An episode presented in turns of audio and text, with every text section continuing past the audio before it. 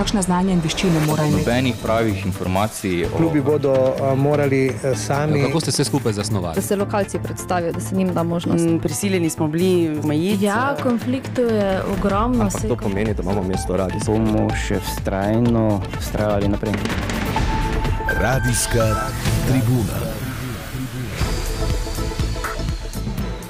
Cenjeni poslušalke in poslušalci, lepo pozdravljeni v radijski tribuni v zadnjem tednu tega leta.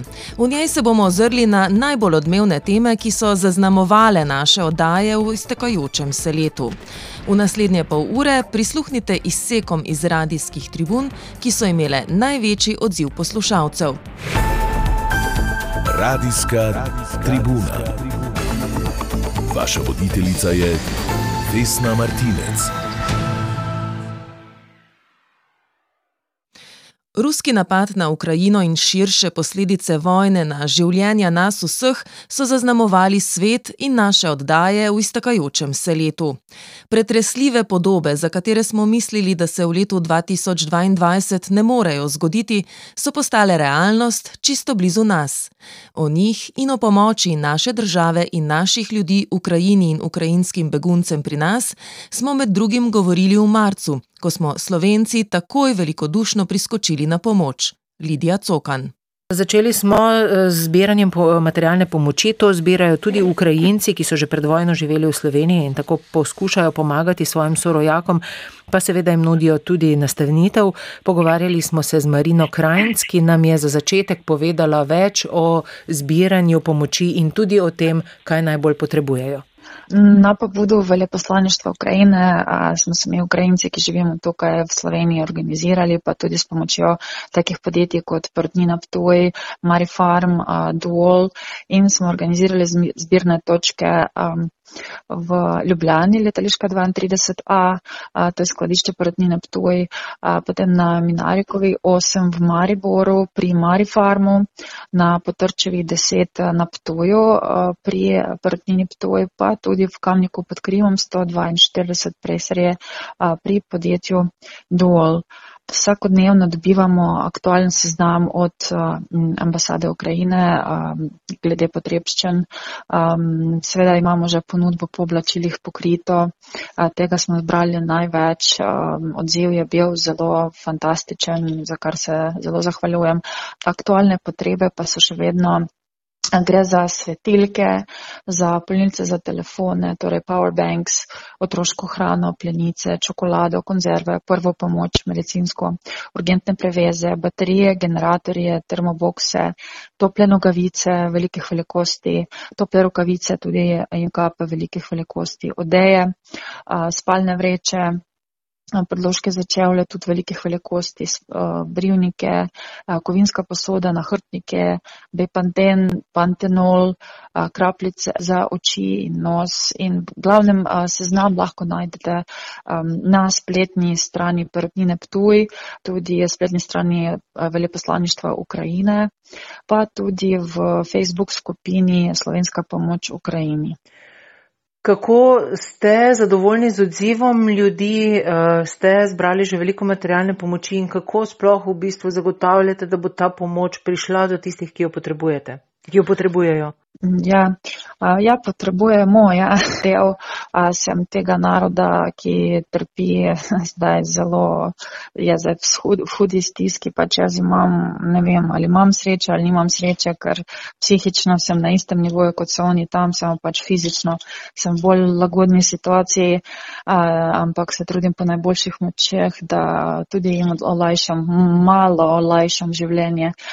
Ja, odziv je bil, kot sem rekel, fantastičen, ljudje prinašajo, so prenesli veliko stvari in kako vem, to pa lahko garantiram zaradi tega, ker se mi trudimo in potem vse, kar zbiramo, peljemo v kamnik pod Krimom in tam to vse sprejme veleposlaništvo Ukrajine, se dokumentira in s to dokumentacijo gre preko, preko meje, tako da se je absolutno vsaka pikica, mala pikica je zabeležena in mora priti tako, kot je v takem stanju do tistega, ki bo to sprejel in sprejme tudi seveda vladne organizacije, mislim vladne ali uradne, uradne organizacije, tako rečemo.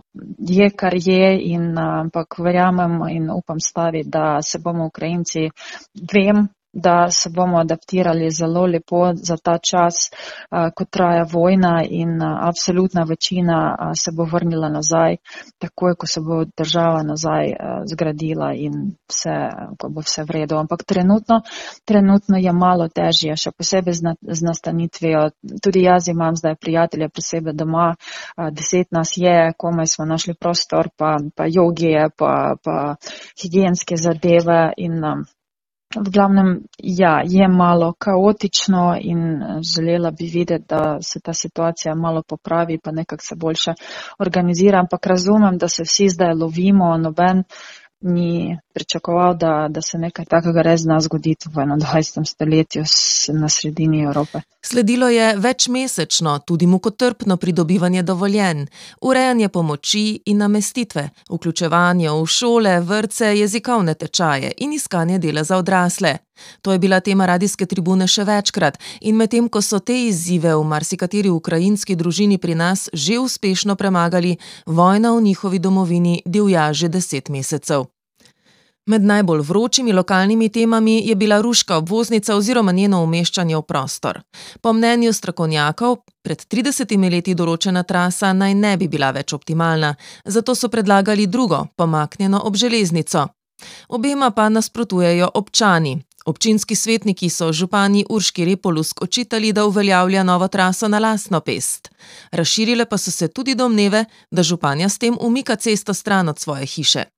V radijski tribuni 20. aprila sta o spreminjanju trase spregovorili tako županja kot vodja civilne inicijative Jasmina Vrečko Rupnik. Na veliko presenečenje marsikaterega krajana Ruš in Smolnika smo to izvedeli pravzaprav 7. februarja in sicer iz zapisa gospe županje na Facebooku. Moram priznati, da smo bili takrat zelo razočarani. Uh, nihče tako rekoč o tem ni vedel ničesar. Eh, izvedeli pa, ugotovili pa smo, da je pravzaprav velika večina projektne dokumentacije bila pripravljena že v letu 2019. Eh, takrat smo preko sokrajanov zaprosili tudi za urgentni sestanek na krajevnem odboru, eh, kjer je bila prisotna tudi gospa županja in pet svetnikov. In eden izmed svetnikov je takrat celo povedal, da je gospa županja na prvem sestanku koalicije rekla, da mimo njene hiše eh, trasa obvoznice ne bo šla. Še bolj smo bili presenečeni, ker ne županja eh, in tudi nihče od svetnikov tega takrat ni zanikal. Res je, obvoznica Ruša je v prostorskem načrtu umeščena eh, že približno 30 let. V 30 letih, tam nekje v 90, v 90 letih, se je zgodila tukaj poselitev čez traso obvoznice. Uh, obvoznica, namen obvoznice je pravzaprav po zakonu o cestah uh, cesta, ki obvozi samo naselje uh, in v zahodnem delu Ruš, torej ta trasa, ki je vrisana v OPN, v bistvu več ni obvoznica, kajti seka jedro samega naselja. In tako je že projektant uh, v letu 2017-2018 tudi prejšnj, torej prejšnjega župana opozarjal na neprimerno umestitev uh, same obvoznice. Uh, tudi mene, se, pravi, ob nastopu mojega mandata, kakor tudi samo ministrstvo. Uh, in uh, ravno to je pravzaprav razlog, uh, ne omenim, da gre tukaj za državni projekt, ki ga vodi in pa usmerja država, tukaj gre za državno cesto, s čimer bi mi razbremenili pravzaprav center Ruš ne, in razbremenili tudi občane, ki živijo torej ob sami cesti in naredili obvoz po tovarniški cesti in potem nadaljevali torej za traso ob sami železnici. In tako kot sem omenila, projektant je opozarjal na neprimernost umestitve, občina je seveda dolžna, vkolikor se, se spremembe v prostoru v 30 letih zgodijo, poiskati uh, najbolj optimalno varianto, cesta se umešča za 100 in več let. In po mnenju torej stroke bi bila najprimernejša varianta, se pravi umestitev same trase obvoznice v železniški koridor, s čimer se je seveda strinjala tudi država, ki je nosilec tega projekta. Kaj in kako si sme privoščiti župan, ko skuša osebno delati red v mestu? In ali bi Saša Arsenovič po incidentu zoper mladoletnega otroka moral odstopiti, k čemur ga je pozval dobršen del mestne politike, koalicija pa mu je razpadla? Pred mikrofon radijske tribune smo 10. in 11. maja postavili tako župana kot opozicijo. Vsekakor mi je žal za nastalo situacijo, obžalujem in sem se že javno upravičil takoj potem. Pravzaprav pa mislim, da imajo ljudje malo napačne predstave o vsem skupaj, saj sem pravzaprav bil obsojen uh, iz strani medijev na podlagi izjave in izjav nekoga, ki sploh temu na tem dogodku ni bil. Ni šlo v nobenem primeru za to, da me je mene motlo karkoli povezano z žogicami, ampak je šlo za otojevanje tuje stvari, za poškodovanje tuje stvari, šlo je za vandalizem in na to sploh nisem reagiral. Uh, to, da sem potem ustavil uh, skupino mladeničev, ki so po vsem tem še uh, žalili in izkušal v bistvu še v drugo nagovoriti, uh, da temu ni prav, je vse, kar sem naredil Rubikon, ki sem ga prekoračil iz vidika očeta, pa je, da sem uh, mladeniča prijel za roko, vsekakor ga nisem ne udaril, ne potisnil, kaj še le davil. Uh, tako da, ampak to bo seveda preiskava pokazala, dokazala. Um, gre pa za nekaj drugega. Imam seveda nek poseben eh, čustven odnos do tega mesta, kjer me vsekakor moti vsaka oblika fizičnega, verbalnega uh, nasilja, žalosti. In kaj je bilo potem na tisti izjavi, uh, res, kar se mi pravzaprav še nikoli ni zgodilo, čeprav ne veljam kot nek dober govorec, ampak vsebinsko uh, sem stvari do sedaj vedno povedal tako, kot sem jih čutil. Uh, tam pa mi je spodletelo, zgodil se je v bistvu lapsus, ko sem dejal, da si takšnih otrok ne želimo. Tam je zmanjkala beseda, ki sem jo čutil v srcu, da si uh, obnašanja, takšnega obnašanja otrok ne želimo. Sva si kot oče štirih otrok, ki ima popolnoma štiri različne otroke, navihane, vsakega drugačnega, ne more nikoli misliti, da ne bi rad imel otrok, saj imam sam štiri in vem, da so vsi različni, da so to posebni izzivi, sploh v času pubertete, ampak neke, neke meje pa so, kjer mislim, da družba mora tudi stopiti skupaj. Vi ste sami rekli, da ne boste odstopili. Kaj pa v primeru, da policijska preiskava oziroma kriminalistična preiskava pokaže, da ste, bom tako le v narekovajih rekel, prekoračili pooblastila. Ne samo, da ste prijeli mladoletnika, ampak po trditvah očeta, da ste ga davili. Kaj boste storili takrat? Tega nisem naredil, tega nobena preiskava ne more dokazati. In uh, uh, ni za stvar kriminalistične preiskave. Jaz sem že dal izjavo policiji. Uh, tudi se to sem prepoznal, pa nisem jaz nikamor omaknil. Jaz sem imel planiran dopust, tako kot večina ali pa velika števila Mariborčanov, sem bil izven mesta. Uh, se nisem nikam umaknil, ker niti nimam razloga in sem povsod na vseh dogodkih od prvega dneva, odkar sem nazaj. Tudi to, da eh, je zdaj gospodu Županu žal za nekatere izrečene besede in dejanja, veste, to so neke stvari, ki bi mu moralo biti žal, še predno se, se je to zgodilo. Samo tisti stavek, da si v Mariboru ne želimo takšnih otrok eh, in da zdaj pravi, da je govoril o obnašanju, mislim, da ta stavek beseda obnašanja ne spada. Če smo čisto iskreni, to pomeni, to je bilo potem iskanje nekega izgovora za nazaj, enako kot tudi njegova, eh, njegovo obnašanje glede, glede takratnega dogodka. Nasilje je treba obsoditi jasno, če se nasilja ne obsodi, sankcionira, eh, to povečuje, to vodi povečanje nasilja, to vodi konec koncev tudi vojne v neki skrajni meri. In če danes kažemo s prstom eh, na neke diktatorje, Putina, kakorkoli v tujini, se vprašamo, če podpiramo nasilje v naši družbi. Jaz ga ne, mi ga ne. Menimo, da bi moral odstopiti, ampak seveda je pa to njegova odločitev, tu ne moremo nič. Če človek nekaj naredi, oziroma po njegovem ne naredi tega, se potem ne rabi za nekaj upravičevati če pa je naredil nekaj, pa se potem pač upraviči. Nasilje na otrocih, bilo kakšno je, ali je to verbalno ali fizično, ne spada v mestni svet, v župansko delo. In jaz si ne znam predstavljati, kaj bi se zgodilo, če bi se tak podoben incident zgodil v vzgojno-izobraževalnih inštitucijah, kot so vrtec, šola. Verjetno bi ta vzgojitelj, učitelj dobil suspens ne tisti dan, ampak tisto uro. V središču pozornosti javnosti in radijskih tribun pa je bila večkrat v tem letu tudi naša hiša, javna radiotelevizija, katere del je tudi Radio Maribor. Krnitev novinarske avtonomije in politični vplivi, ki se kažejo v pacu kakovosti in profesionalizma, posledično pa tudi ugleda, so privedli do stavke zaposlenih.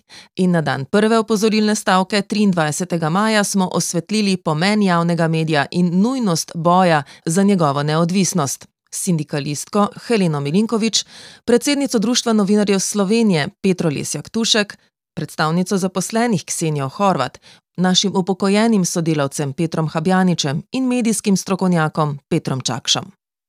Kako pa se politični pritiski in siljenje v politično propagando v teh dveh uredništvih odvija, pa je javnost lahko najbolj videla v času predvoljivne kampanje, ko so novinari in uredniki, ki so specializirani za politiko, počivali oziroma bili odstranjeni. Delegiralo se je, kaj se sprašuje, kdo je lahko gost, ne na zadnje je tudi tukaj posredovalo sodišče, da je bil zakon kršen. Mi se tu pravzaprav ne borimo za neke svoje pravice, mi se borimo za možnost, da profesionalno, zauzeto in prizadevno, tako kot vedno doslej smo imeli možnost, opravljamo poslanstvo, ki jo ima javni servis. Mi menimo, da z ukinitvijo tako pomembnih oddaj, kot je v tem času, naprimer Globus, ko divja vojna praktično nekaj sto km od naše države, že skoraj da težko izpolnjujemo poslanstva javnega servisa brez oddaje, v kateri smo poročali, analizirali, predstavljali tudi slovenske vidike teh izjemno zahtevnih, kompleksnih dogodkov v naši neposrednji bližini. Da ne govorimo o tem, da je v času, ko vstopamo očitno v gospodarsko izjemno težavno situacijo, nimamo gospodarske oddaje, v kateri bi ponovno celovito, um, odgovorno, zahtevno in tudi strokovno uh, odgovarjali na vse te izzive.